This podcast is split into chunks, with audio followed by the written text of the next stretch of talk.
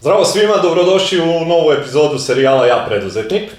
Danas u društvu jedne izuzetne dame, u jednom izuzetnom okruženju imat ćete prilike da vidite i neke izuzetne proizvode. E, dovoljno je da vam kažem da je ona, eto, nekih četvrt veka u, u, u preduzetništvu, da njene proizvode koriste neke e, svetski poznate ličnosti, dotaćemo se do, ovaj, i ko su neke od njih u toku razgovora. Pa evo za početak da vam predstavim damu koja se zove Maruška Topalović. Maruška, Dobar dan. dobar dan, dobrodošla u serijal i hvala ti na gostoprinstvu ovde ovaj, kod tebe. Pa evo za početak da ti nama kažeš šta je to što ti radiš, da e, onako samo ovlaš upoznamo ovaj, gledalce sa tim, pa ćemo se onda kroz razgovor dotaći detaljnije oko svega šta, šta i kako je došlo do, do, do, svih tih proizvoda. A, Studio Maruška je firma koja se bavi proizvodnjom marame i kravata. Znači, marame i kravate radimo a, ručno i štampamo na svile. U stvari, svi naši proizvodi su od svile i od prirodnih materijala kao što je vuna i kao što je pamuk i. A, to je jedna mala porodična firma koja je svoj rast napravila upravo time što su klijenti bili zadovoljni i tražili od nas mnoge različite stvari koje smo mi, eto, mogli da im izađemo u susret i na taj način, eto, napravili brand Maruška. E, spomenuo sam ovaj da, da e, vi sve to radite jako dugo i hteo bih sad da se vratimo na, na same početke, da krenemo ovaj od e, tvojih nekih eto mladalačkih dana, da vidimo kako je uopšte došlo do toga, pa ću te vratiti ovaj, eto, da, da čisto upoznaš ljude gde si rođena, malo o školovanju, pa da polako krenemo ovamo sa firmom. Pa ja sam rođena mm, dalekih godina, da Dobro. kažem, eto dama neće da kaže koliko ima godina, ali Nije potrebno eto, prešli uopšte. smo, prešli smo 50. A, hoću da kažem da sam u stvari želela da upišem akademiju kostimografiju i pet puta konkurisala na prijemni i naravno nisam bila primljena pošto sam dete iz provincije. Ja sam iz a, a, Prisonice, iz mesta do Predine, a eto imala sam sreću da se eto udam u Predini, da ostanem da živim u ovom divnom mestu i da na neki način ovaj, moje ime i moji proizvodi zaista odu u ceo svet, upravo s toga što me nisu, možda je to neka ovaj, moja da kažem, bila budućnost, da me tada nisu primili na akademiju i da sam zaista svojim radom želela da radim to što sada radim. E, jesi kao mlada, pretpostavljam obzirom da si imala želju da upišeš ovaj, e, akademiju, e, ta sklonost ka umetnosti od mlađih dana ili je se to razvilo negde kasnije kod A, tebe? Pa u stvari moja je baka bila u domaćinskoj školi i ona je uvek pored mene dok sam ja bila a, dete, a, radila te ručne radove i uvek mi pričala koje se boje slažu i tako dalje i onda sam eto možda taj talent što sam znala lepo da, da crtam kada sam trebala da se opredelim šta ću biti u životu, na neki način mi se dopalo da budem Uvek sam razmišljala da želim da budem slavna. Sad samo je pitanje bilo šta ću izabrati i koliko će mi trebati vremena da, da ljudi ovaj, a, a, a, saznaju šta ja u stvari to radim i da im se dopada ono što ja radim. Ovaj, završila sam tekstilnu školu, o, o, studirala višu tekstilnu koju nisam završila, počela sam da radim u Beogradu dok sam bila nakit od svile. I verujte, tada sam jako lepo zarađivala praveći taj nakit koji su nosili Majda Šimunec, Lepa Lukić, Biljana Ristić a, i prodala, pro, prodavala sam u Bezistanu, to je kod sadašnjeg McDonald'sa, na terazijama i čak su i to počeli da mi kopiraju.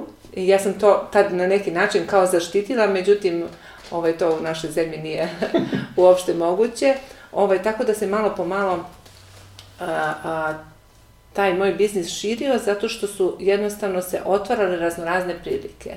I onda kada sam prvi put gostovala kod Majde Šimones u emisiji, a, ona mi je dala snagu i energiju da u stvari to što ja radim je vrlo interesantno drugačije. I sad da bi postigli nešto u životu uradili, vi morate da imate jednu viziju nečega da samo tim posebnošću i nekim drugačijim nastupom, pristupom, proizvodima možete skrenuti na sebe a, ovaj, pažnju i na da se to na neki način dopadne ljudima. Tako da sam ja imala tu sreću, verovatno zbog onoga što me nisu primili možda na nekoj drugoj strani, da, da se to pokaže. Ja sam bila uporna i vredna, a usput sam se Eto, pet puta sam konkursala za akademiju, da bi taj neki šesti put jedan kolega koji već završavao akademiju rekao ajde možda će sad biti primjena ponovo pokušaj. Ja sam onda rešila da se udam i da rodim decu zato što mi je bilo neshvatljivo da ja sad treba da studiram tamo do 35. i da jednostavno moja karijera i porodice i uopšte braka krene kasnije, tako da mislim da nisam pogrešila, da sam zaista mnogo toga mhm. uradila, stigla i da me mnogo toga još čeka. Eto, e, nekako nam se svima kroz e, te ovaj, i razgovore ovde i uopšte neke priče koje znamo, ti neki neuspesi koje u tom trenutku malo shvatimo i tragično, ali nas oni u stvari usmere na, na možda neki naš pravi životni put, kao što se i tebi desilo eto sa akademijom. E, e, bavila si se, znači, u tom trenutku proizvodnjom nakita. Kako je došlo do toga uopšte da ti kreneš da radiš sa svilom? i da, da krene sve ova, ovakva Pa eto, pošto sam u stvari, ja sam vršila srednju tekstilnu školu u Gornjem Milanovcu, tada smo bili na praksi u modnoj konvenciji Rudnik, koja mi je, evo, dan danas toliko žao zašto je tako divna fabrika, zašto je naša država dozvolila da tako divna fabrika više ne bude to što je ovaj, nekada bila i onda su imali, bacali su te otpadce, otpadke krpica koje -hmm. su na neki način išle na otpad i ja sam došla do tih, te neke prve kesice tih svirenih krpica i to mi se uh, učinilo vrlo interesantnim da ovaj, to nešto napravim, a eto, kažem, ti sve moje kolege koji smo zajedno bili na prijemu, svi su pored ti koji su živjeli u Beogradu imali pored neki svoj biznis. Mm -hmm. Tako da sam ja poznala tog našeg, tog kolegu koji je imao svoje te neke male radnice i prodavao nakit jer je mu je sestra bila stujardesa i donosila mu tad iz raznoraznih zemalja. I onda sam ja to, kad sam napravila, njemu pokazala, njemu se to jako dopalo i ja sam zaista, verujte, fantastično zarađivala. Mm -hmm. Ovaj, tako da je to krenulo taj put i ovaj, prosto posle kada sam se udala, ovaj, otvorila sam jednu svoju malu ovaj, um, a, a, a, tad nije imalo uopšte naziv kako možemo, nego je moralo da se zove domaća radinost. Recimo, mhm. opet sam kupovala tu, tu svilu koja je uh, na neki način izlazila iz fabrike kao nešto što je proizvod da ne može više se koristi i onda pravila razno razne jastučiće. Ne znam da se sećate svoje vremeno se pojavio poklon u balonu.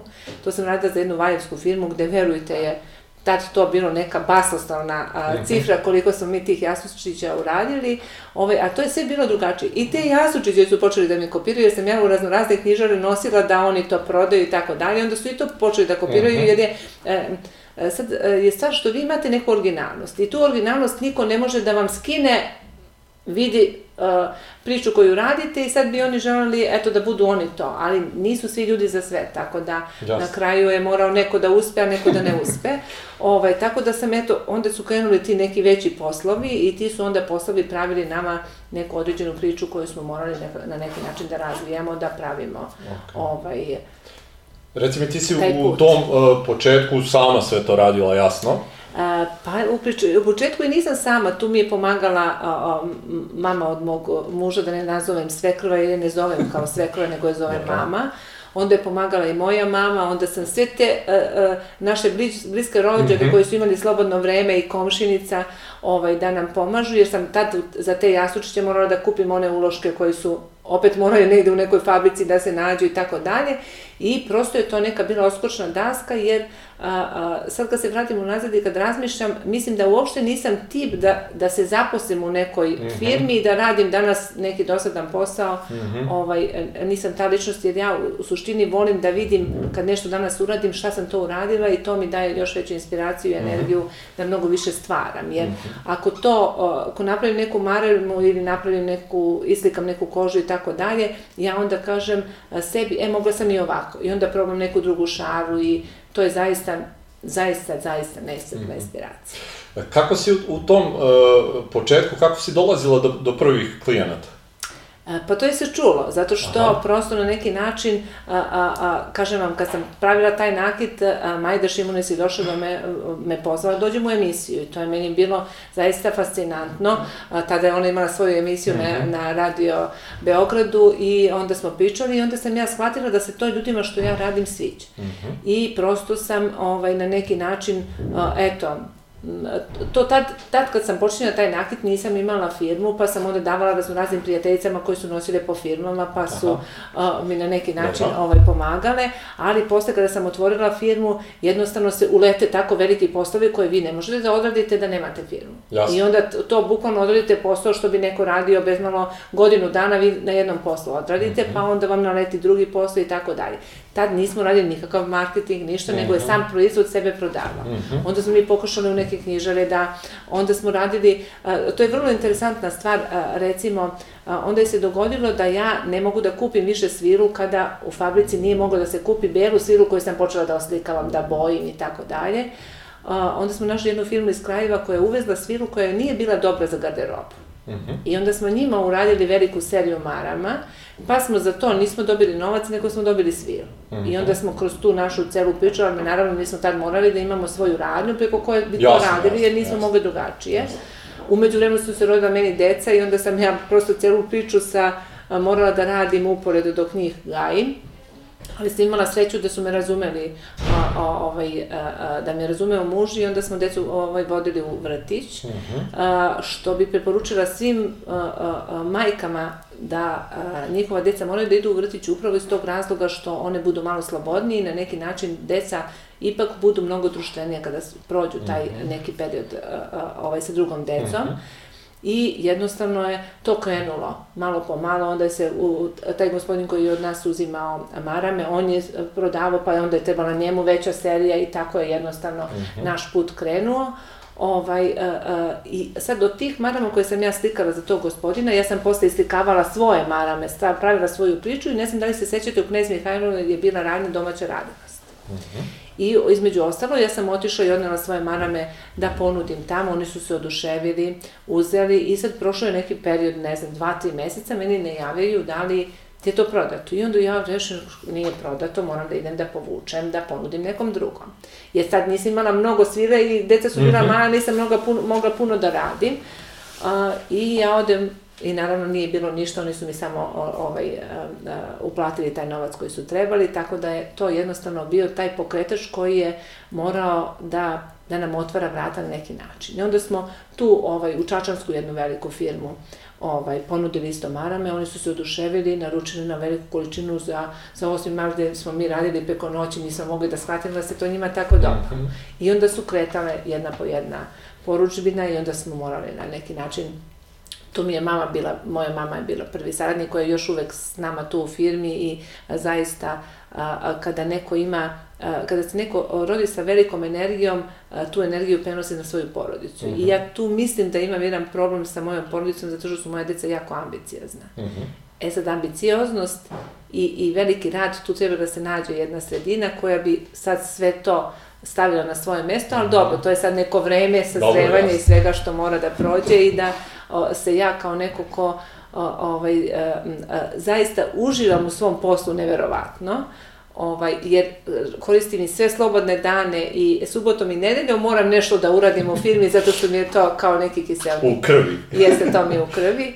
Ovaj, um, Tako da na neki način sam, time što sam a, toliko se trudila i radila, a, prenela deci da oni imaju mnogo velike ciljeve. E sad, do tih velikih ciljeva ne može tako brzo da se stigne. Mm -hmm. Eto, vidite, mi smo gotovo nekih 25 godina sam ja radila i sa nekim prekidima kada je ona u našoj državi bila velika inflacija, a, tad sam morala da zatvorim radnju jer nismo mogli prosto da decu gajim i da a, a, pratim sve to što je trebalo. Ovaj, a prvo smo počeli da radimo na spratu moje kuće, mm -hmm. Porodične, gde smo imali jednu prostoriju koju smo grejali jer nismo imali grejanje u kući i peli smo se merdevinama. Ja sam tad slikala, a, ovaj, a, radila sa, a, kad sam rodila sina, i posle toga sam ovaj, nosila čerku i pela se merdevinama da završavam taj, taj ovaj, posao i posle eto tako smo ovaj, sa, te prostorije sa sprata, silazili u donji nivo, pa smo onda širili se i tako mhm. dalje, da sad, eto, posle toliko godina imamo poslovni prostor koji na neki način je prilagodiv tom našem poslu, ali prosto nam uvek treba nekog prostora da bi mogli mnogo bolje da funkcionišemo, jer kada nemate prostora, prosto neke stvari ne mogu da vam budu uh, ovaj, uh, bolje dostupne i da jednostavno lakše o tome uh, radite i savlađujete. Je se u tom trenutku celokupna proizvodnja odvija ručno ili i imali neke Tada, je- da, tada se radilo ručno, bukvalno smo radili, slikali ručno marame i bojili. E sad, kako smo počeli da radimo kravate? Onda smo jednog trenutka smo počeli da radimo a, a, za neke kompanije koje su nam radili, tražile za tendere da radimo marame. I ja sam jako bila uporna svom suprugu da kažem, a zašto mi ne možemo konkurišemo na tender? On mi je rekao da u principu, eto, ne znam, trebaju ovakvi uslovi, onakvi i tako dalje. Ja kažem, zašto mi to ne probamo? I a, jednog trenutka kada smo Ali da bi vi konkurisali na tender u to vreme tad je moralo da se zna koje mašine imate, koje radnike zapošljavate. Bukvalno cela procedura je morala da se da, da na neki način bude ispunjena da bi vi mogli da konkurišete. I onda sam ja ovaj, bila jako uporna i um, um, konkurisali smo za tender za Telekom. To je zaista bio toliko veliki posao da prosto i u trenutku nismo mogli da kupimo svile koliko nam je trebalo da odradimo marame, ako se sećate grška kompanija koja je nosila Telekom, gde su imali crveno-plave i, i žute marame. Ovaj, I um, uh, tada sam ja shvatila da a, kupili smo određenu količinu svile, nismo mnogo kupili koliko nam je ako napravimo neki feler. I onda nam se dogodi da greškom a, a, a, upropastimo nekih 50 marama, a kada vi dobijete tender, tada vam je najveći problem rok. Mhm. Sa sve to treba isfinansirati i prosto napraviti ceo krug i onda je nama zahvalilo svina da smo imali žestoki problem posle da nabavimo to, da sve to isporučimo na vreme, ali to nam je bila škola koju smo morali da prođemo. Mhm. Tako da svaki put sledeći kad smo konkurisali na trener morali smo biti spremni sa svim tim materijalima koji su nam trebali da bi mogli da konkurišemo.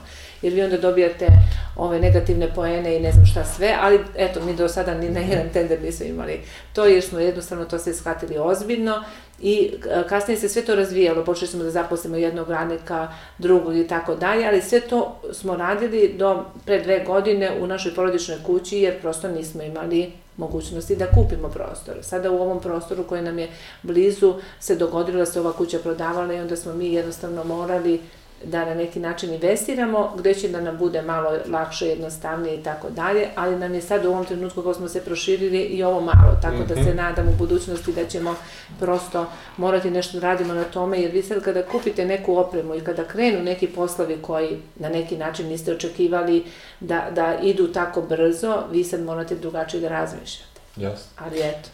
E, u tom trenutku spomenula si da, da e, dolazi vreme da, da počinjete i da zapošljavate radnike. E, nisi više sama, znači pored svog posla koji sad baviš, e, treba da upravljaš i firmom. Šta su ti u tom trenutku ovaj, neki izazovi najveći koje si imala da, da eto sa tog nekog e, svog dela posla počneš da se baviš i time da imaš ljude o kojima isto moraš da vodiš A, računa? Pa moj a, problem a, a, je tada bio moje, a, tada nisam imala to samopouzdanje da sam problem mogla nekim svojim prijateljima da kažem. Jer ako vi kažete, i onda smo o, silom okolnosti radili za te neke velike kompanije i sad u razgovoru kad im prezentujemo to što radimo, mi provučemo neki svoj problem. I onda nam je jedan direktor o, ovaj, a, jedne velike firme rekao, uvek kada imate probleme pričajte vašim prijateljima, jer oni znaju opet neke ljude koji mogu da vam pomognu.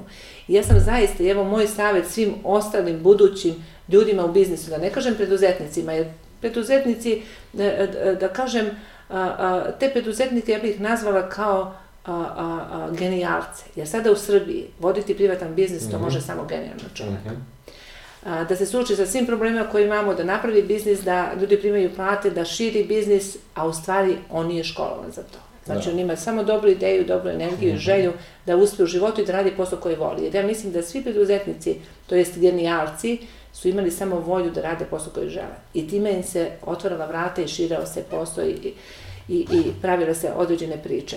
A, taj problem koji sam ja, a, a, kada nisam imala samopouznanje, s- kad se dogodi problem, pa ne znam da ga rešim kao taj, kad nismo znali kako da konkurišemo na tendere, a, ovaj, a, je u stvari nam je a, jedan direktor rekao da u stvari mi moramo imati prijatelje koji su skup mozgova, koji kada mi imamo problem moramo da im kažemo da bi nam oni pomogli gde ćemo da rešimo. Tako da sam ja onako malo stidljivo svim tim svojim prijateljima i već mnogim ljudima zaista u ovoj Srbiji koja je a, a, naša referenca lista je zavidna, mislim da ga niko u narednih 20 godina neće postići ovakvu našu referenca listu kao što, im, što mi imamo, sarađivati sa mnogo kompanija. Zaista, sa mnogo različitih kompanija, od farmaceutskih kuća do zaista ambasada i zaista mnogo moćnih svetskih ljudi. A, ovaj, a, sam shvatila da ti ljudi uh, i u bankama kad dođete da uzmete kredit, vi treba sa uh, damom koja je vaš, uh, da kažem, koja vas vodi u banci, da pričate šta u stvari u firmi imate problem i ona tu može da vam pomogne. Mm -hmm. Kao i onaj ko vam, ko vam je vodi, tad je bilo u opštini, pa ne znam, bilo u SDK, pa ne znam sada u opštini, pa ne znam već gde, sa vašim a, a, poreznikom da pričate šta u stvari vi imate problem. Mm -hmm. Recimo, nama je se dogodilo da smo mi a, a, jedne godine napravili fantastičan posao za novu godinu, mi smo tada bili radnja i nismo uopšte razmišljali da zamolimo da nam sledeće godine, da im sledeće godine fakturišemo to i ušli u preduzeće. Mm -hmm. I mhm. nismo bili spremni mm -hmm. da uđemo u preduzeće. Znači, prosto i državi platili kasno. Mm -hmm. Znači, a, a, a, a, ali zamislite sad mišljenje Kraljeva i mišljenje Beograda, uopšte se ne podudara. I onda mhm. shvatite da u našoj državi mnoge stvari nisu takve kakve mhm. treba da budu, kakve mi mislite da treba da mhm. budu i onda nema veze šta ćemo, platit ćemo kaznu, mi sad hoćemo da prenesemo, jer nama je, je vrlo bila bitna dobijanjem tendera, nama je bitna, važna bila referenca lista. Jer referenca lista je nešto što se do nekog skorošnjeg vremena, dve, tri godine, unazad mnogo bodovalo da bi vi dobili posao. Mm -hmm. I to mi je mnogo žao sada i ja bih jedino ušao u politiku da se izborim za neke važne stvari. A te važne stvari su, znači, mi u Srbiji imamo mnogo a, a, a, privrednika koji su svoj posao napravili sami. Znači, trudeći se, radeći i zaista radeći dobar proizvod koji je u stvari njima širio posao. Mm -hmm. A ne raditi proizvod, kupiti iz Kine, nešto pa prodavati. Mislim, mm -hmm. to je smešno. A, znači, e, imamo mnoge firme koje su uspele svoj proizvod da plasiraju više u inostranstvo nego u Srbiji. Mm -hmm. I znači, tim ljudima, ja da sam predsjednik države, dala bi ogromno priznanje i rekla, vi ste naša budućnost. Vi morate, kao u, u Italiji kada mi a, kupujemo materijale i kad sam ja imala priliku da se sretnem zaista sa najvećim proizvođačima svile, da na neki način te sve firme koje su sad imali, imaju 10, 20 godina ili 30, napravimo da imaju 100 godina.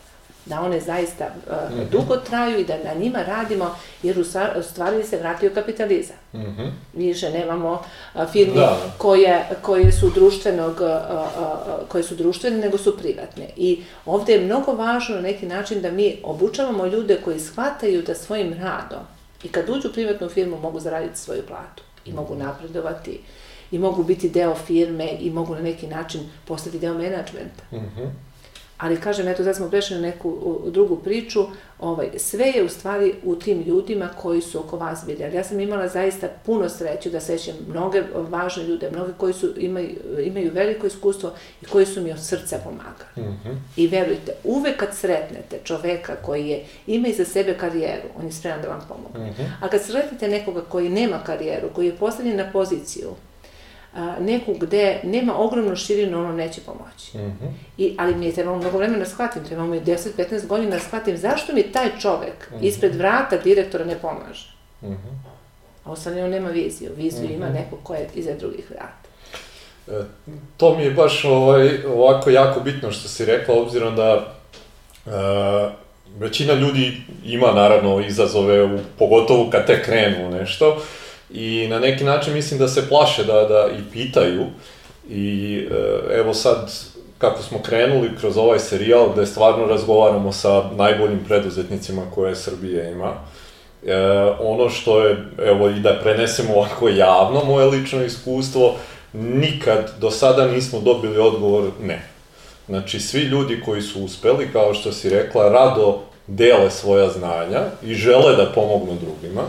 A pogotovo ja mislim da ste vi svesni toga, obzirom da si i ti krenula negde 90-ih i koliko je to posle neke pauze koju smo mi imali, uh, gde je privatna inicijativa bila prekinuta, mm -hmm. znači vi koji ste krenuli 90-ih da radite, niste imali koga ni da pitate, ovaj, i onda ste svesni koliko je to sve značajno.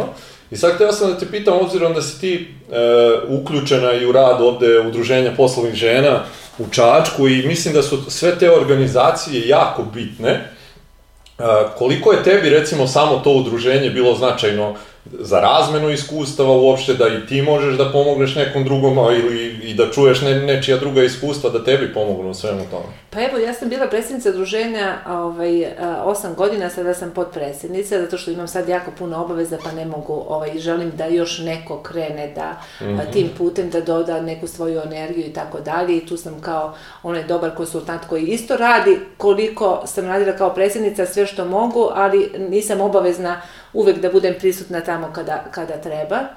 A, a, mislim da je to mnogo važno jer recimo ja prvu nagradu sam dobila kada me dama iz Privredne komore koja je osnivač udruženja poslovnih žena Nadežda Petrović predložila za nagradu Cet uspeha za ženu. Uh mhm. -huh. I ja sam tada, ovaj, kada sam bila novinova, zaista dobila tu nagradu i uh, izašla sam na binu pred možda 200 gledalaca gde nisam od tog straha, od tog uzbuđenja a, a, mogla bilo šta da kažem uh -huh. osim hvala. -hmm. I naravno kad e, čovjek shvati da u tom trenutku neko e, dobije neko priznanje, da je neko a, a, a, video to šta vi radite i da ste zaista tim svojim trudom i tom nekom borbom nešto postigli, mm -hmm. a, onda vam to zaista bude toliko veliko srce i da od onog trenutka tad pojavljena na televiziji i sada je prošlo mnogo vremena, mnogo iskustva i zaista je sve to nešto što a, je normalno i što ljudi koji kreću ovaj, moraju da shvate da kroz sve to moraju da prođu. Ovaj, to su neke dečije bolesti što bilo gde ovaj, a, a, ima taj neki svoj tok, ali a, ta nagrada, a, posle te nagrade onda su došle mnoge druge nagrade, kao je to i najbolji Srbija koje smo dobili, znači to je neka priča koju vi jednostavno posle a, a, morate da plivate, vi više nemate tu izbora. Onda vas zovu sa svih strana, onda ni jedan intervju, ni jednu priču, ni, ni, ni jedan poziv da gostujem negde ja nisam na neki način otkazala, zato što je mnogo važno kada ljudi shvate, kada vas neko zove, znači neko vas poštuje. Mm -hmm.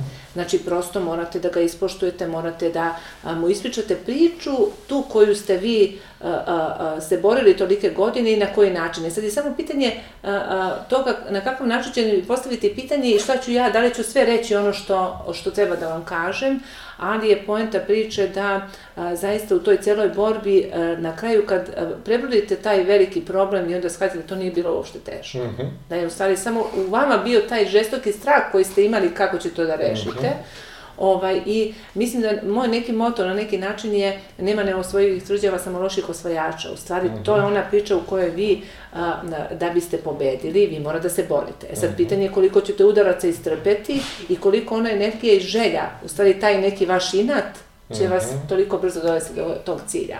Ali sve na kraju vam bude ono divno što ste uspeli, što ste na neki način poštovani zato što ste bili vredni i radni. Mm -hmm. I nema nikakvog uspeha, nigde, bilo gde, šta želite da postignete u životu bez velikog rada. Spomenula si strahove, zanima me u tom početku, šta su tebi bili neki strahovi koje si imala, koje si morala da prevaziđeš? Pa moji najveći bili su strahovi da li ću platiti državi porez, da li ću ovaj, e, neke stvari koje nisam poznavala. E sad vi krećete u biznis i sad vi znate treba neko da vam vodi knjige, treba neko e, da vam a, a, a, prosto neke stvari postavi kako treba, a vi u stvari nemate ljudi da vam to sve uradi. I prosto na neki način a, morate da se dovijate, morate da ovaj, iskoristite svaku priliku kad vam neko nešto priča, pa i da ne pokažete šta ne znate da bi na mhm. neki način napravili to što, što vama treba, ali kažem, to se sve na neki način prevaziće i to shvatite da jedan dan pada kiša, a sutra ne je sunce i mhm. onda jednostavno idete i godine tako brzo prolaze da mi je mnogo žao što su toliko brzo prošle što mnogo više nisam uradila uh mhm. -huh. Ovaj, i čini mi se da mi sve sada više ta energija a, a, da sam sve više ambicioznija i a, e, mnogo više zadataka zato što mnogo više zna uh -huh. i onda mi je lakše da a, e, jednostavno a, sa tim stvarima pričam, razgovaram i napravim neke ideje i da uh -huh. jednostavno otvaram neke nove puteve i tako da. E, trenutno imaš 23 radnika, da, je li tako? Da. Zanima me kako si birala ljude koji će da počnu da rade sa tobom. Pa, neki ljudi su se cijelom okolnosti našli tu, a neki, a, mnogo mi je žao što mi je puno ljudi prošlo kroz firmu koji nisu ostali. Zato što, a to sam na početku dobila savjet i rekli su mi da samo nam u firmi mogu raditi ljudi koji razumeju šta mi radimo, koji razumeju našu energiju, koji vole taj deo posla. Znači, vi ne možete naterati ili mladog čoveka ili bilo koga ko vam dođe u firmu da radi ono što vi želite ako on ne želi. Znači, posle izvesnog vremena on na kraju mora da napusti firmu, jer nema normu koju treba da uradi, nema ono razumevanje koje vi, ako, a, a to sam u, u, od nekih a, a, velikih da kažem, a, a, privrednika a, a, i čula i pričala i čitala njihove knjige kada direktor ide i kupi papiriće. Mm -hmm. a, on ne kupi papiriće zato što a, a, a, treba da pokupi papiriće i treba da pokupi, nego iz tog razloga da pokaže drugima da u suštini ako je taj papirić tu da ne treba, treba svi da ga ovaj, a, pokupe jer je to naše zajedničko. Jer ja nikada ne posmatam moju firmu kao to je samo moje. Mm -hmm. Ne, a, ja želim zaista da moji radnici i svi zaposleni shvate da je ovo deo njihove životne priče. I da ovde ja samo mogu moje iskustvo da im prenesem, ono kroz što sam ja prošla, i da od mene mogu mnogo toga da nauče ako žele i da postanu možda bolji od mene. Mm -hmm. E sad ja ne mogu više. Mm -hmm. Ja samo mogu toliko. Mm -hmm. Znači da vide šta ja radim, koliko sam ja energična, koliko ja mnoge stvari, a, a, svaku priliku koristim da, posta, da, da prezentujem firmu, da prezentujem ono što mi radimo, da prodam proizvod, da jednostavno tim mojim nastupim, tom mojom energijom prenesem klijentima da je ovde a, u naš svaki proizvod mnogo ljubavi ugrađeno. Mm -hmm. I da svi koji to rade, da mi 32 puta uzmemo maramu u ruke dok nju stavimo u kutiju da, da, da je neko nosi. Da isto toliko a, kravatu koju ručno krojimo, od tog izabiranja materijala u Italiji do a, svega toga što naš klijent traže, a recimo danas radimo jednoj vrlo poznatoj a, a, a, jugoslovenskoj ličnosti kravatu sa njenim inicijalima. Uh mhm. -huh. a, prosto, a, koliko nam je važno da a, taj brend Maruška mnogim ljudima na grudima a, stoji poznatim zato što smo mi zaista mnogo ljubavi, mnogo energije, mnogo a, a, a, truda, ne samo u oblasti našeg poslovanja, nego i u oblasti, da kažem, donacija, u oblasti tog humanitarnog rada, u oblasti tog udruženja žena koje smo bili zajedno da bi jedna drugoj pomogle mnogo više, ugradili da taj proizvod dođe do te ličnosti. Mm -hmm. I a, a, imali smo priliku zaista a, a, Hillary Clinton kad je bila u Beogradu, ona je dobila naš proizvod i mi smo tad videli koliko su ulazili na naš sajt. Znači, to je bilo, znači, ne može bilo šta da se pokloni bilo Jasne. kome, dok neko to ne prečešća i vidi ko, šta je to poklonjeno. Mm -hmm. Znači, a, prosto, a, i kad smo napravili prvi sajt, koliko nam je trebalo vremena, koliko nam je trebalo energije, pa tekstovi, pa sve to što je prošlo neki put, a možda je mogu da bude bolje. Mm -hmm. Ali eto, to smo što smo do sada uradili, nadam se da se drugima sviđa i da ćemo biti mnogo bolje. E, ajde sad, voleo bih stvarno da, da se dotaknemo nekih e, referenci, od firmi do nekih svetskih poznatih ličnosti, pošto mislim da, da je onako impresivna i da, da stvarno treba da budete ponosni i ti i ceo kolektiv ovaj, ko sve nosi vaše proizvode, pa bih voleo ako možeš eto čisto malo da prođemo i kroz tu listu. Pa evo ja mogu da kažem prvo što mi je najdraža, a, ovaj, najdraže to je a, a, ovaj, predsednik Putin ima pet mojih kravata. Prvu kravatu je dobio od predstavnika Privredne komore a, Srbije koji je iz Čačka, koji je bio u Moskvi i mi smo nešto sarađivali i on me zamolio i rekao da će imati priliku da ovaj, predsedniku Putinu pokloni da izaberem kravatu i naravno ovaj, ja sam to zaboravila I kada je predsednik Tadić, ja sam poslala naravno i ovaj, zaboravila, nisam više čoveka ni pitala, i kada je predsednik Tadić bio zadnji put u Moskvi, tada su ovaj, predsednika Putina pitali imali nešto iz Srbije u razgovoru sa novinarima i on je pokazao kravatu Maruška. Ja sam posle uh, sledeći dan dobijala pozive raznorazne gde su mi čestiti, ja kao ljudi ne znam o čemu se radi, ovaj, nisam to propratila, ovaj, tako da eto, meni je u, u ovaj, u firmi dolazilo puno supruga ambasadora, između ostalih je bila Natalija Čepurin, koja je naravno posle poklonila svi značajne ličnosti iz Rusije koji su dolazili, su dobijali, poklonili su naši veliki kupci, evo sad zadnji kad je bio Marija Zaharova je dobila znači ovaj Lavrov, Medvedev, svi oni su dobijali poklone iz Srbije za, za novu godinu, tako da ona meni kaže, Manuška ti si velika umetnica, a ja onako skromno kažem, Natalija, pa zaista ja se trudim, ona kaže svima kojima sam poklonila, su me toliko ovaj, zahvaljivali da je zaista, moram da ti kažem, da si zaista velika umetnica, čak mi je i ambasadorka Indije koja je otišla rekla ovaj, da mi država treba da, da na neki način da mi da neko priznanje jer sam zaista a, a, a, a, to što ja radim je zaista posebno drugačije i tako dalje, ali to je kod nas u Srbiji malo drugačije, tako da nismo mogli to da im objasnimo. Ovaj, a, a, onda vrlo značajna ličnost je kraljica Elizabeta je dobila za svoj rođendan od naše princeze Katarine, princ Charles i njegova supruga, Bo, Borović u Beogradu takođe, a, njegova supruga je Kamila dobila Belog Anđela Maramu, zatim Angela Merkel, Michelle Obama, supruga kineskog predsednika, supruga turskog predsednika, zatim a, Katin Danev,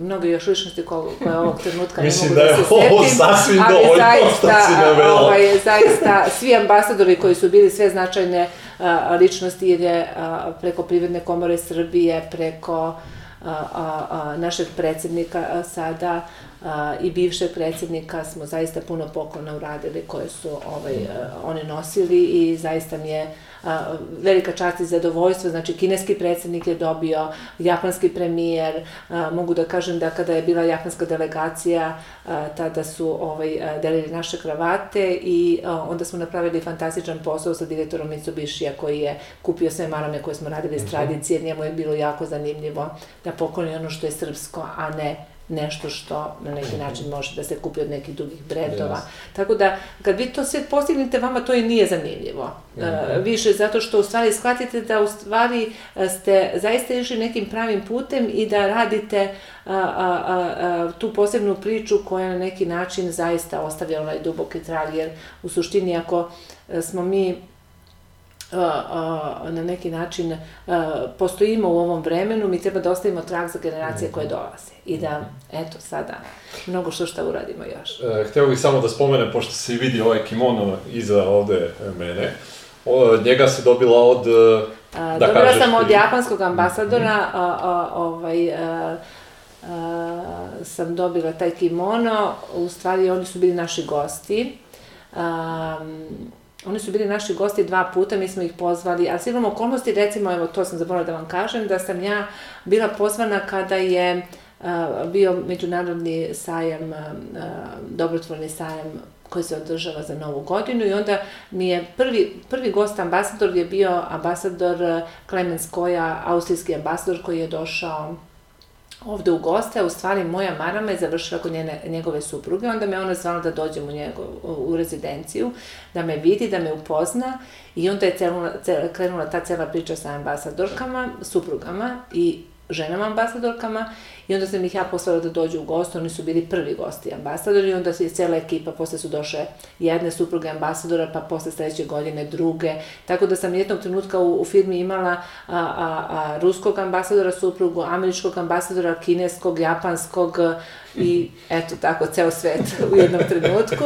Ovaj, ali onda shvatite koliko, a, koliko se a, ljudi koji su zaista svetski, koji su obišli ceo svet dive onome što vi radite. Mm -hmm. I onda shvatite da ta kravata koja je kod nas ovde, a, recimo, a, a, najskuplja, ona vredi tri puta skuplje u svetu. Da oni mhm. takvu istu kravatu plaćaju tri puta skuplje i onda vi shvatite da kad im ispričate priču zašto ona ne može biti skuplje, yes. jer vi niste bos, nego kupujete bosov materijal u Italiji, nego sam ja imam ovaj brend, onda shvatite zaista koliko je to ovaj, na neki način vama odato priznanje i koliko je ovaj, to posebno. Recimo, finski ambasador je otišao, otišao, vratio se sa kolekcijom maruškinih ovaj, kravata, tako da sam zaista srećna što je to mm. tako.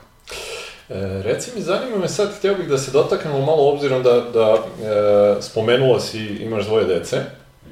I e, zanima me sad taj deo, obzirom da su i oni na neki način uključeni u rad firme. I mislim da su porodične firme jako bitne za, za generalno i budućnost Srbije, da ih imamo što više u, u, u takvom obliku. E, kako su oni ovaj, ulazili u posao, jesu oni na neki način izrazili želju, pošto pretpostavljam da su kao mali muvali se tu i sve, obzirom da su i oni sada odrasli ljudi.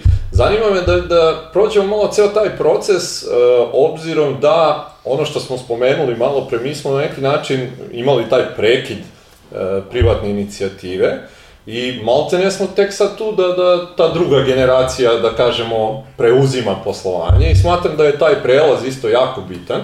Pa bih hteo sa tobom da prođem, obzirom da, da imaš mm -hmm. iskustvo, kako je sve to teklo i da se malo kasnije dotaknemo nekih izazova isto koje sve to nosi. Pa me zanima eto da prođemo malo i taj deo porodičnog aspekta samog da. biznisa. Pa evo, moj sin je u stvari, e, kada je bio u srednjoj školi, e, naš jedan porodični prijatelj ga je zvao da ide da uči Photoshop i rekao pošaljite ga, valja mu u životu da nauče, on je u stvari upisao biografičku školu u, ovaj, u Čačku gde mi prosto nismo ni uticali, to mu se nešto dopalo i zaista je ovaj, položio ovaj, prijemni sa visokom ocenom i mi smo tog trenutka njega poslali na Photoshop i nismo uopšte znali šta on zna. Mm -hmm. I jednog trenutka kada se nama ukazala prilika da smo kupili tu prvu opremu, ovaj, imali smo jednog dečka koji nam je to radio, te pripreme za štampu i onda se dogodilo silom okolnosti da a, neke stvari nismo ovaj, mogli više njega da, da, da nam bude u firmi. Onda je sin rekao, pa ja to znam kaže, moj izvoli. I zaista je počeo jednu po jednu stvar da, da radi i na neki način, evo jako dugo, on radi te sve pripreme za štampu, naravno uz moje sugestije i na neki način je ušao, da kažem 95% u sve neke, neke pore firme i tako dalje i mi ga jednostavno šaljemo na mnoge seminare, na mnoge obuke gde bi trebao da on na neki način za neko određeno vreme preuzme odgovornost. E sad tu dolazimo do tog najvećeg problema koji je u porodičnim firmama. Odgovornost onoga što nosi lider, što nosi mhm. vlasnik firme meni bi zaista bilo najdraže da e, ja znam da je moj sin spreman i da mu mogu predati sve one probleme koje imam. Ali ja kao majka i kao vlasnik firme još uvek ne smem da mu takvu odgovornost e, e, dam zato što to uopšte nije lako. Ja, I na neki način izvini. štitim svoje dete mm -hmm. do onog trenutka zaista kad ću reći, je sad izvoli, počni se baviti problemima. Koliko si ti, izvini što te prekidam, koliko si ti uh, u mogućnosti tu da budeš objektivna obzirom i da si majka, a moraš da budeš i lider?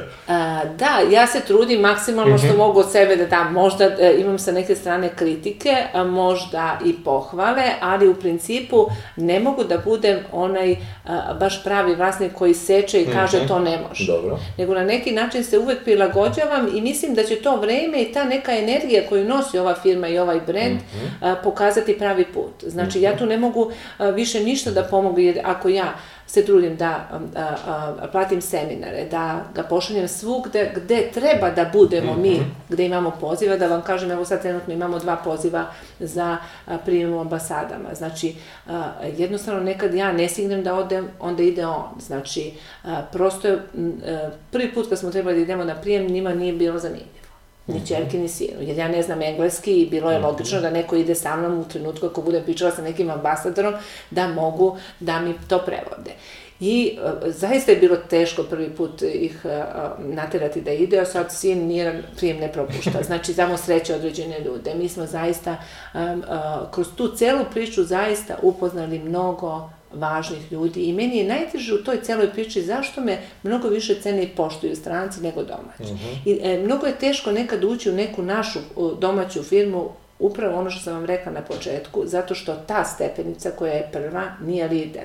Jer ja nemam telefon lidera i ne mogu lideru. Uh mhm. -huh. Ja kada se lideru javim, kad se mi upoznamo u nekom primu i tako dalje, ja sam već napravila posao. Uh mhm. -huh. Ali ako se javi njegova sekretarica ili direktoru marketinga, svi oni imaju neke priče misleći da ćemo mi sad ne znam šta da im uradimo. Poenta jeste priča. Mi imamo proizvod srpski koji proizvodimo u Srbiji. Ja zaista sve moje klijente, oni koji dođu ovde i vide kako mi to proizvodimo i radimo, oni su prezadovoljni. I ja sam toliko srećna kada mi klijenti naruče jednom količinu, pa odmah posle 7 dana drugu, jer kad su je već poklonili, mhm. svi su se zahvalili. I zaista ja na neki način imam svoje, da kažem, žene koje su odušene tim mojim proizvodima i time kada smo otvorili radnju na aerodromu, a, gde nam je poenta bilo priča da prodajemo naše, našu priču o, o suvenirsku, ovaj, tada shvatila koliko zaista ljudi kupuju po dva, tri proizvoda, koliko im je to nedostajalo. I mi je trebalo jako puno vremena da shvatim a, da a, u stvari a, taj dokaz ljudima a, da ste vi srpski brend traje jako puno. Kada oni to shvate, vi, mi smo sve završili. Mm -hmm. Jer um, dotakla sam se sad druge priče, ali početak je toga zato što um, ja sam želela davno još da na neki način uh, počnem priču iz muzeja. Da radim priče sa poznatih naših slikara na maramama, da bih mogla na neki način da prodajem a, srpsku umetnost, a, da to stigne baš u ceo svet. Jer vama mhm. slika kao slika, kao remek delo stoji u muzeju i tu je zatvorena, više nema. Mm -hmm. Vi, vidite ćete u nekoj knjizi, a kad vid, sad napravite manamu koja ima svoju priču pa je nosite oko mm -hmm. vrata, ona svakog trenutka priča priču. Mm -hmm. I sad to je ono što sam ja sad na neki način svog sina, kroz celu priču, kroz dizajn koji smo radili, na neki način usmeravala šta ćemo da radimo. I onda nam je trebalo jako puno vremena da objasnimo turističkoj organizaciji, da objasnimo tamo o, o tim o, ministarstvima šta mi možemo da radimo. Prvo, razumevanje smo imali u Muzeju istorije Jugoslavije gde smo radili njima određenu priču a, koji su naravno morali da nam plate. A sad sa svima imamo ugovore pa imamo druge neke, ovaj, a, da kažem, dogovore I sada kada se dogodilo, kada su oni shvatili to što mi radimo i počelo da se prodaje, nama je već to bila oskočna daska. Pa smo mhm. onda napravili fantastičan posao sa našom predsjednicom Skupštine Majom Gojković, gde je i ona videla da u stvari ona treba da pokloni srpsku priču. Mm -hmm. Onda smo za, njoj radili posebne, za nju radili posebne kolekcije koje su rađene po pet komada jednog dezena. Tako da je to nešto što je nama na neki način dalo snagu i energiju da se mi borimo. Kada je sada otvoren Narodni muzej, mi smo gotovo 5-6 meseci se borili da Narodni muzej dobijemo priču iz naroda. Mi smo sve to pripremili, a muzej se već otvara, mi nismo još uradili marame. Mhm. Onda sam ja morala jednu inicijalnu kapislu, ovaj, jednu tajnu svoju da, da upotrebim i naravno da tako brzo ovaj, posle dođemo u suvenirnice, ali kažem, to su sad neke tajne koje prosto svi u biznisu znaju i na neki način vam otvaraju vrata, ta vaša energija. Kad vi zovnete direktorka i kažete, mi moramo i tu nema više ovaj, e, vi mu u tog trenutka kad dobijete telefon od direktora i kažete vama se za 5 dana otvara muzej, vi morate dobiti marame da poklonite važnim ličnostima koji će vam biti na muzeju. I onda oni shvataju da im trebaju poklon, nisu razmišljali o tome. da, I onda da. vi napravite zaista i to je taj neki udar koji vam je ovaj posebna priča.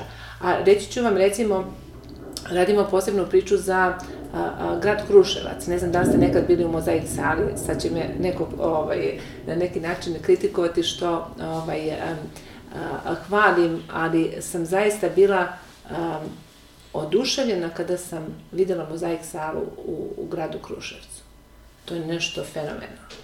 Znači, to je priča kada smo s njima ugovarali da napravimo posao. A, jedna od a, a, saradnica je pitala da li ste videli našu mozaik salu. Ja kažem ne. Kada sam videla, rekla ove marame, pravimo ništa drugo. I zaista, evo sad radimo za njihov muzej. Ovaj, a, jedna priča povlači drugu. Mm -hmm. I to je onda o, o, ona neprocenjiva a, energija koju u stvari nosite vi time što pričate ono što radite. Mm -hmm. I šta možete da radite.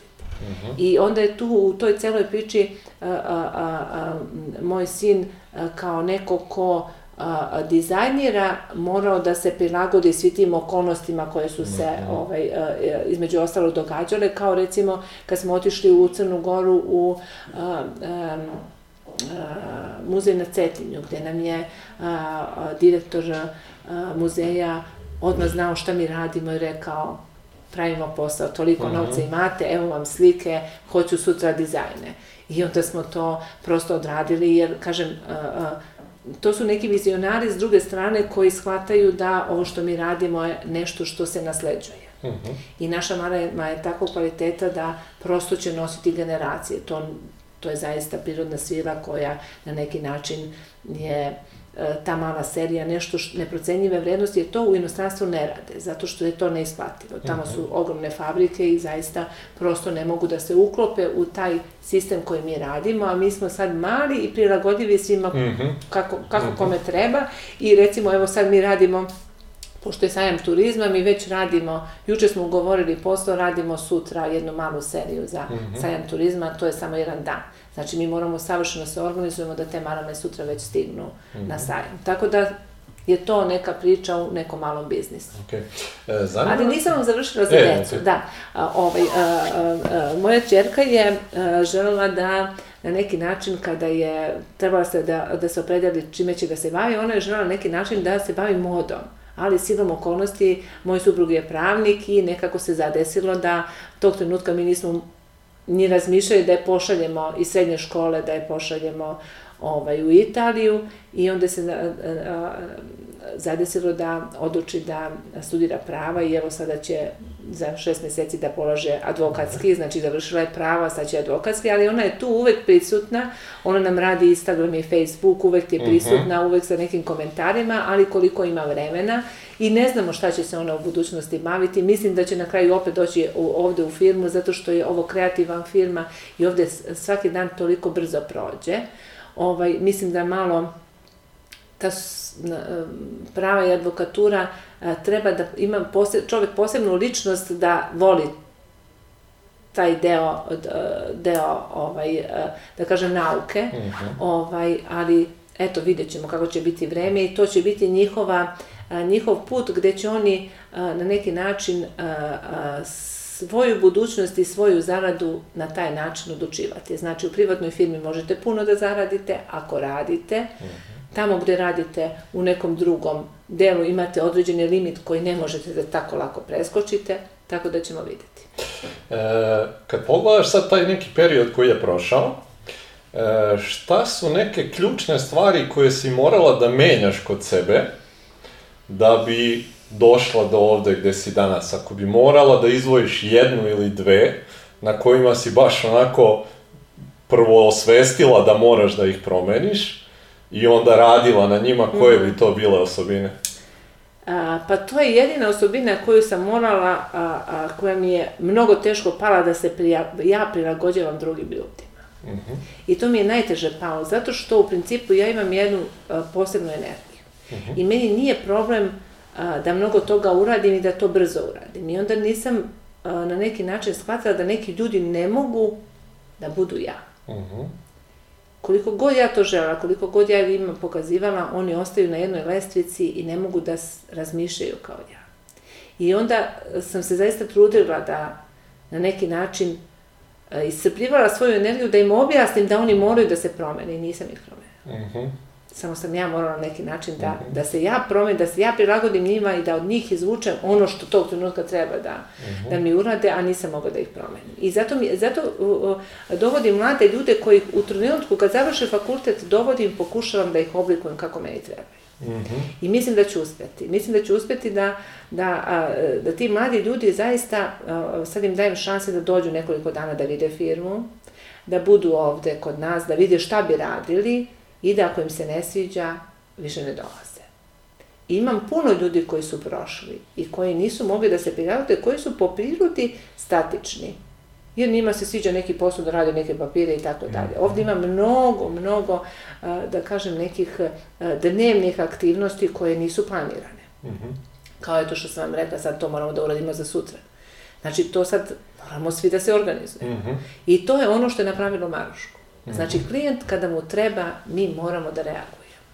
Znači, on je zaboravio, ili je bio na putu, ili ne znam šta već, i onda mi moramo da budemo top. Znači, on mora sutradan, ukol- ukoliko mu je sati, da dobije to što je tražilo i to je nas napravilo. I onda su oni počeli da nas hvale kako smo dobri.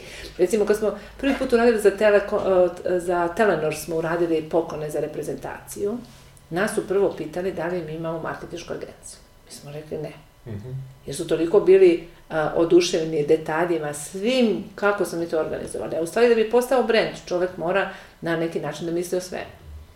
Znači, o nastupu, o, o ambalaži, o bukvalno svim detaljima u katalogu, o sajtu, o svim tim stvarima. E sad, mi koliko smo mogli, mi smo uh, se trudili i napravili tu priču kako smo je napravili. A mnogi nam se dive, ali ja u stvari smatram da smo mogli mnogo više. I zato je Zato imam taj duh lidera, zato što nikad nisam zadovoljna. Mhm.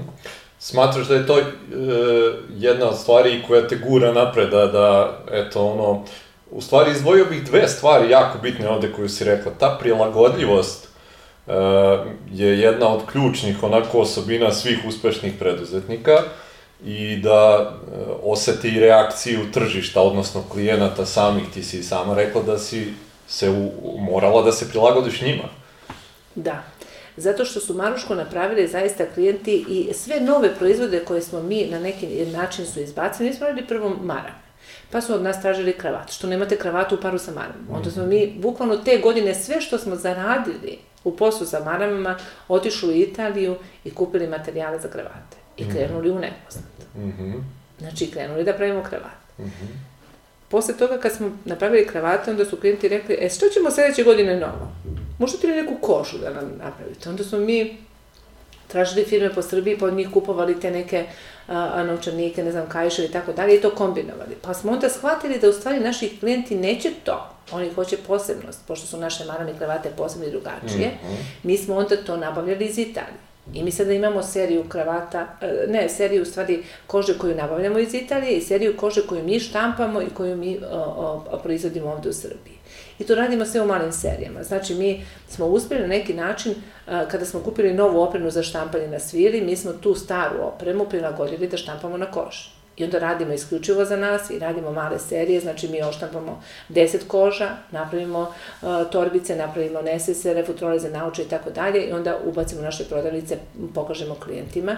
Onda oni kažu mi hoćemo ovako ili onako, onda se mi njima prilagodimo ako imamo vremena. Jer taj proces malo duže traje kada mi ovaj, kožu štampamo, ceo taj proces treba nam od 7 do 10 dana da izađe proizvod, a ove ostale proizvode mi možemo i preko noći. Znači, mi onda se prilagodimo, pa kažemo, možemo, ili ćemo im podići cenu, ili im nećemo, ali ćemo im objasniti što im nismo podigli cenu i napraviti ono što oni hoće. E sad, kažem, imali smo klijente iz Crne Gore koji su nam tražili da, da im nabavimo peškire, da imaju logo taj koji, koji je njima vrlo važan i kakav rad, pa smo i njima to izlazili u susret, tražili u firmama u Srbijama koje to hoće i sad e, e, je poenta priča, ako vi dođete do najmoćnijih firmi, recimo, u Italiji smo za Porto Montenegro godinama a, a, a pokušavali da dođemo, da napravimo posao, evo nadam se da ćemo ove godine konačno napraviti, zato što su oni previše zahtevni.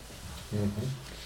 I onda smo mi par puta sebi rekli, pa ne možemo više da izlazimo sutra, da hoćete ovo, hoćete da bude drugačije, ovako i tako dalje, prosto ne možemo, nisu blizu.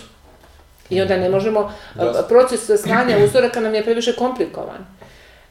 I onda smo rekli, ma nema veze ako je komplikovan, moramo da ih ostavimo, hoćemo ih na referenci listi.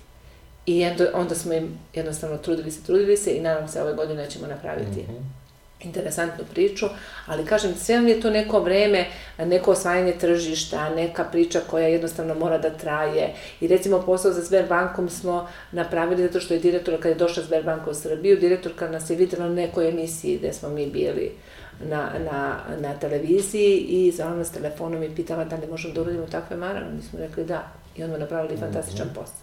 Tako da prosto je, nama se otvarala vrata i jednostavno dogodi se nekad da vas neko pozove negde na neku prezentaciju i vi već na toj prezentaciji napravite posao. I zato ja svim preduzetnicima i svim ljudima koji kreću biznis, koristite svaki marketing. Svaka priča, svako pojavljivanje, bilo gde da ste, vam je marketing. A usput, ja sada sam takva, pa gde god nas zovu, ja kažem, možemo li da dobijemo 100, možemo li da stavimo naš roll-up, možemo da samo pet proizvoda. I tako da mi već napravimo tu, kogod daje, direktnu prezentaciju, oni vide naš proizvod, vide šta radimo, vide koliko je to na neki način a, a, zaista kvalitetno i da to onda mm -hmm. nama napravi prolaz. Da te pitam vezano za odluke koje si donosila e, kroz ceo ovaj proces razvoja tvoje firme, e, kako je on izgledao? Jesi se konsultovala sa suprugom, sada sa decom ili kako to, da li je više na neku intuiciju ili imaš neki onako sistem, na koji način na kraju dana kad treba da presečeš, presečeš? Pa, moj suprug je meni velika inspiracija, u stvari moja najveća podrška, dok su deca bila mala i sada podrška i oko dece, ovaj, zato što je on prošao vojnu školu na neki način uh, ima taj stav koji je na neki način u stvari uh, um, komandujući, a nežan. Mm -hmm. A, I tako da sam ja previše, a, koliko god sam žela nešto nekada da brzo uradim, on je rekao sačekaj, razmisli polako, ali ako je njego, moje bilo da idem do 100, on me povukao na 80, nije me spustio niže. Mm -hmm. Pa sam tako na neki način uspela mnoge stvari da da ovaj da ne poletim nego da opet se izborim za to što želim ali na neki način gde će biti meni, da kažem, lakše da ne dobijem neku ne kritiku, nego neki način neuspeh u tom celom putu. Ali um, hoću da kažem da je taj naj, naj, najveći izazov koji ste me pitali je upravo o, o, iz tog razloga i ta odluka donošena razmišljala sam pa sam išla na rizik. Znači mhm. nemate, imate uvek dve opcije. Ili ćete da idete napred, ili ćete da ostanete tu gde ste. I sada imate priču, idemo priču pa da vidimo kako će se događati i na neki način sam morala da konsultujem Ali šta se događalo u toj konsultaciji? Recimo, uvek konsultujem nekog ko na neki način nije toliko uspešan kao ja, pa on kaže, joj, sačekaj, nemoj, ja kažem, pa bez rizika, nema uspeha. Uh mhm. -huh. I na neki način me to, uh -huh. i, mhm. i, a, a, jer to vam je u poslu. Znači, imate šansu, koristite ili ne koristite. Znači, ne možete mnogo da izgubite ako ne pokušate. Uh mhm. -huh. Znači, morate da pokušate i to je ona priča koja... Ima li pritiska kod tog donošenja odluka, obzirom da imaš 23 radnika, na neki način i njihove ovaj, e, porodice zavise od tvoje odluke i ako ga ima, kako se nosiš sa tim? Pa u principu mi se zaista trudimo na neki način da a, sve ispoštujemo, da nam sve to dođe na vreme, o, ovaj, a, i plata i a, jednostavno taj neki ceo timski rad, ali ono što sam rekla na početku, mi ljude ne možemo da promenimo. Ljudi su koji uđu u firmu jedna priča za sebe i na neki način kada oni shvate da je ova firma u stvari njihova, onda mi možemo svi zajedno da idemo mnogo napred. I oni će ostati tu i biti negovani i tako dalje. Ja se zaista trudim da sve moje radnike žestoko negujem, jer sad to je na njima da odluče koliko se to njima sviđa i ne sviđa. Ali u principu ti neki ljudi koji su bili i otišli su stvari ili neki otvorili svoje firme ili su uh, na neki način, uh, nisu se uklopili u našu priču, jer ja sam ovdje dominantan čovek, ja moram da se slušam. Nešto što sam ja previše pametna, nego upravo iz tog razloga što sam prošla mnogo toga i što znam gde padamo. Mm -hmm. I ne dozvoljavam da napravimo tu grešku koja smo je već jednom napravili. Mm -hmm. I tu je sad a, uh, ona stvar što, što ne mogu nekad možda moju energiju ti ljudi mm -hmm. da, da, ovaj, a, da uklope u svoju. Tako Šta da... smatraš da ti je najveća greška za ovih sve godine poslovanja? Pa mislim da nemam nekih grešaka, zato što ovaj, možda mi je samo greška jedina što nemam vremena posvetim sebi, jer me mnogo brzo prošlo vreme, mnogo sam radila i mislim da mi je ta greška što se jednostavno u celom tom uh, uh, svojoj energiji koja nailaze, kad nailaze postavi, ja ne dozvolim sebi da se odmorim i onda nekad budem žestoko opterećena i umorna, pa onda ne mogu da propatim sledeći tok, uh, tok uh, onako kako bi možda trebalo, mhm. ali mislim da, da sasvim drugačije posmatram te neke stvari. Mm -hmm, dobro. E, kako si se za svo ovo vreme spominjala si, znači da, da ti je i udruženje žena i ti neki razgovori koji imaš tu e, jako puno značilo i znači i dan danas. Kako si se ti edukovala sama za, e, pretpostavljam da pratiš što se samih e, dizajna i tih nekih stvari tiče da pratiš i to, ali kako si se generalno uopšte e, edukovala ti za ulogu lidera koju moraš da, da imaš u, u firmi? Ja mislim da se to rodi, da samim tim kada, da se čovek rodi da bude lider, uh mhm. -huh. zato što u stvari to je ona vaša energija koju vi u trenutku kad nešto radite, radite sa tom snagom. Znači, lider zaista mora da bude žestoko snažna ličnost i a, a, da veruje prvenstveno u sebe i ono što radi i da sve, sve okolnosti koje dolaze za strane treba da posmatra kao nešto što je prolazna.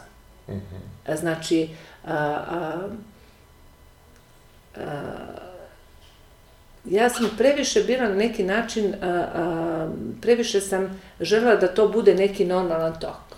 Ali su se događale neke stvari koje su a, kao kada treba da uzmete kredit, zašto ne mogu da dobijem kredit. I to sve zašto sam dobila objašnjenje možda posle godinu dana. Zašto? E sada, eto, imala sam tu sreću da poznajem i da mi je zaista veliki drugi, velika podrška dama iz Privredne komore koja je zaista imala puno svog životnog iskustva, gde sam za, svaki mali problem mogla njoj da kažem, da mi kaže na kakav način bi možda to trebali da rešimo ili da mi pomogne ili da me uputi gde šta treba. Tako da mi je ona davala snagu i recimo kroz našu firmu su zaista došli mnogi a, predsjednici privrednih komora su bili ovde, a, bili su mnogi ljudi koje sam ja na neki način zaista pozvala da dođu da vide šta mi radimo da bi rešila svoj problem. Mhm. A u suštini ja nisam samo rešila tog trenutka svoj problem, ja sam sebi napravila marketing. Ja sam sebi napravila a, tu a, a, a, inicijativu koju su drugi zavideli. Mhm. I ako vam se dogodi da vi pozovete tadašnjeg predsjednika Privredne komore dođe u goste, a pre toga imali smo dve prezentacije u našoj Privrednoj komori u Srbiji gde su dolazili moji klijenti i bili oduševljeni kako sam ja napravila tamo tu prezentaciju, a ja sam u stvari samo pitala da li to može tako. I onda su mi svi otvorili vrat i rekli da može. Znači, o, o, uspeh je a, da pitati ono što smatrate da ne treba da pitate. Mhm. I onda ljudima, kao što, sam, kao što i sad smatram, ja sam sad u savjetu za privredne komore za mala i srednja preduzetnića, ali mi smo imali samo jednu, do sada jednu sednicu i ja sad a, a, planiram da mnoge stvari pokrenem ja. Pošto tad sadašnji predsjednik, vidite, ništa nije pokrenuo. Ja želim da pokrenem zato što a, a, ne samo što ja želim da se neke stvari promene, te stvari mora da se promene. Znači, mi moramo da shvatimo da ljudi koji nemaju posao, moraju negde da rade. Ja to shvatam. Ali ti ljudi koji su na birovu moraju da shvate da kad dođu negde moraju da rade. Ali moramo da znamo što oni vole da rade. Ja sad ne mogu nekoga staviti za mašinu da šije ako on voli da ušiva. Ako on ne želi da šije na mašinu, nego voli neki drugi posao da radi. Moramo jednostavno da radimo. E, tu smatram da nama država mora mnogo da pomogne. I mislim da uh, i sadašnjeg ministra rada i prethodnog sam poznavala i imala priliku da se s njima srećem i da razgovaram. Pojenta je da svi mi zajedno moramo da utičemo na ljude da pokrenemo Srbiju. Ne sad ja neku filozofiju da pričam koja je nemoguće ostvarljiva. Smatram da sve što pričam je moguće ostvariti zato što ne može jedan čovek mora nas više. I zato mi je bio pokretanje time što sam ja žela da budem u, privredno, u udruženju poslovnih žena, dalo šansu da neke ljude upoznam, da s njima razgovaram. Da budem čak u, kod dva gradonačelnika član saveta privrede i gde smo svi imali da kažemo nešto, gde sam se upoznala sa najmoćnijim ljudima našeg grada i videla kako oni razmišljaju, gde su oni upoznali i mene i videli kako ja razmišljam, gde smo mogli nekom snagom nešto da uradimo drugo. E to je ono kad vi dođete na neki način na neko mesto i neku poziciju gde neko čuje ono što vi govorite. Mm -hmm. I to je vrlo bitno, to meni sada nije jasno, a, a, za, zato mi je bila neka inspiracija a, a, zašto neki ljudi odlaze u politiku, a ništa ne promene. Oni odlaze u politiku da provedu neko svoje vreme tamo, bez ikakvih rezultata. To je meni kao nekom lideru, kao nekom privredniku neverovatno. Da meni život prođe, da ja nemam rezultat, pa to je katastrofa. Znači, mi u svakom delu a, života treba da gledamo iza sebe šta smo ostavili. I to je ono što nas u nekoj budućnosti, da smo mi postali one a, moćne ili da kažem poznate žene Srbije. I verujte, u budućnosti su napraviti knjigu o, o, o, tome kako uspeti u Srbiji. Nisam pitanje, ja bih volila da živim u nekoj Americi, tamo i da ova moja marama vredi 200 dolara i prosto ko zna koliko bi bila bogata, ali silom okolnosti ja živim u Čačku i živim u Preljini mm -hmm. i ja predstavljam zaista ovaj kraj. Mm -hmm. Ali su moji proizvodi otišli zaista u ceo svet. Mm -hmm. E sad, to je ona stvar koju sam ja silom okolnosti, mi se tako dogodilo i mojom žestokom borbom da uradim taj proizvod da bude dobar i, i da se ljudima dopadne, on stigao dok je stigao. E sada, ako neko uh, u politici uh, odlazi da bi samo bio u politici, to nije dobro. On treba da ode u politiku da bi promenio nešto za dobrobit svih nas.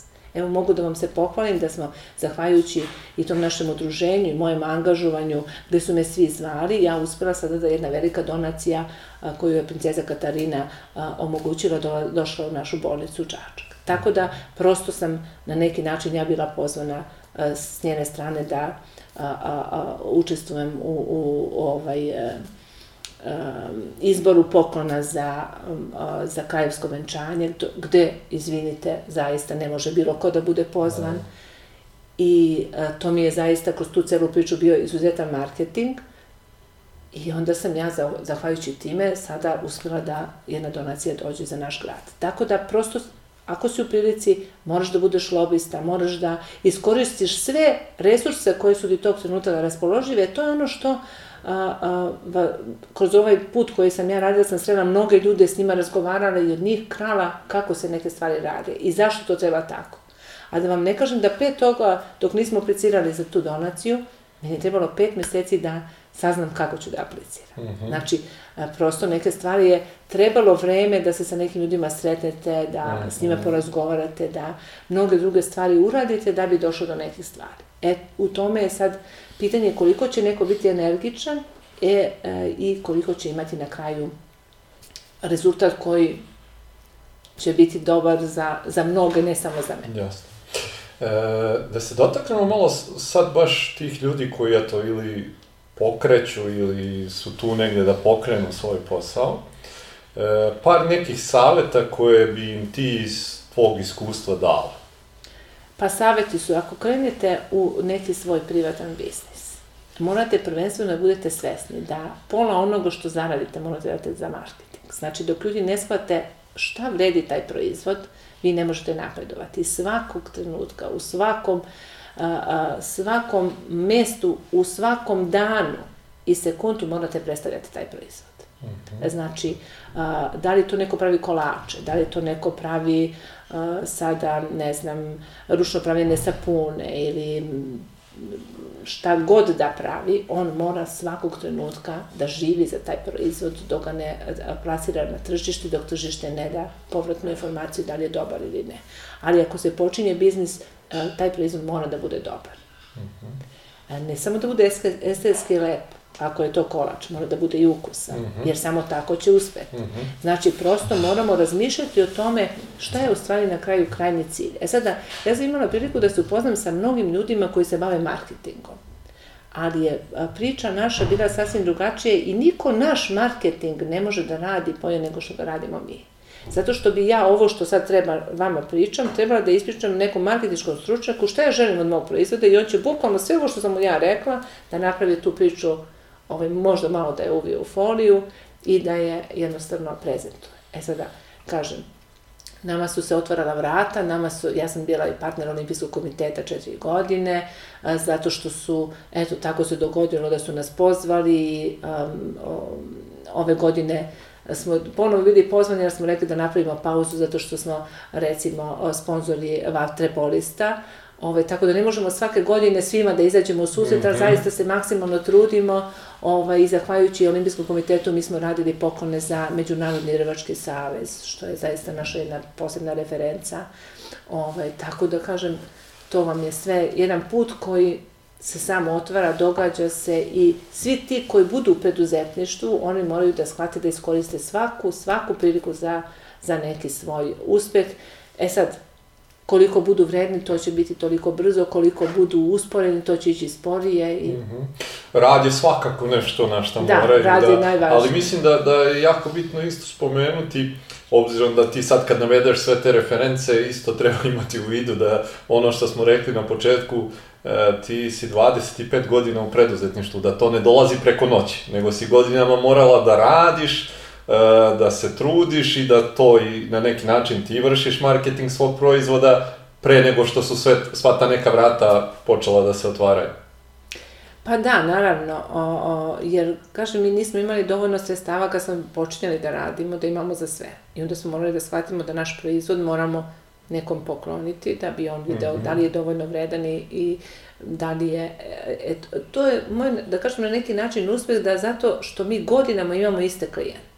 I ti klijenti nas šire. Što mm -hmm. kažu, sledeće godine ćemo, mi smo imali za jednu stranu a, farmaceutsku kuću, smo radili već skoro treću godinu, radimo poklone i to zaista posebne poklone, gde njihovo odobrenje mora da dođe iz jednostranstva, tako da smo, na neki način to nam je a, a, vetar u leđa da budemo još uspešniji i na neki način smo zaista ponosni na to. Mm -hmm. Pa jednom kad je klijent zadovoljan, ako ga vi e, činite srećnim da to tako ovaj, kažemo, to je najbolja neka preporuka da, koju da. možete da dobijete. E, pitanje sa kojim e, završavamo uvek razgovor je sledeće. Da imaš priliku da budeš mentor Maruški iz te prve godine početka, kad si krenula sa svim ovim, a da znaš sve ovo što sad znaš, šta je to što bi rekla samoj sebi? Kao neki savet ili neku smernicu, šta god to bilo. Pa to je smernica i savjet da se ne plašim onoga nepoznatog, jer u principu vi kad krećete i kad smo radili prvi izvoz, mi nismo znali uopšte kako treba. -hmm. Mi smo pitali ljude, a, pa smo eto imali raznoraznih problema što nismo znali koga da pitamo. Sad jednostavno imate mnogo pogodnosti više nego u to vreme. Sad vam je mnogo više stvari se radi elektronski. Tada ste morali mnogo drugačije da radite i mnogo vam je to dragoceno vreme odlazilo uzalud. Sad sve to vreme može da se skrati, da jednostavno taj proces bude mnogo brži i da na neki način a, a, nema ništa nepoznato. Sve je sada više poznato, vi izgublate i nađete šta vam treba, tako da prosto mislim da je na neki način sada za biznis mnogo bolje, ali je na neki način teže zato što a, a, ljudi očekuju mnogo više -hmm. u početku i prosto ne mogu odmah da se zarade neke pare. Moraju da se, taj novac mora da se ulaže i u opremu i u e, marketing i u prezentaciji i tako dalje, da bi ljudi videli šta vi radite i da na neki način iza toga idete napred. Mariška, hvala ti puno na vremenu koje si odvojila za nas, na svim ovim savetima i iskustvima svojim koje si godinama sticala, što si ih ovako nesebično podelila. Želim ti da još dugo, dugo godina predstavljaš svojim brendom Srbiju na ovakav način kako to ovaj, do sada radiš i e, mislim da, da je ova neka uzlazna putanja koju trenutno imaš nešto što, što će u budućnosti imati još veći neki ovaj rast i zaista ti želim od srca da što veći broj ljudi ne mislim u Srbiji, dosta ljudi u Srbiji siguran sam već za tebe zna, nego na nekom globalnom nivou čuje za tebe i za tvoje radove. Hvala najlepše, nadam se da će to biti u budućnosti. Hvala i vama što ste još jednom ovaj, bili sa nama i vidimo se ponovo sledeće nedelje. Prijatno!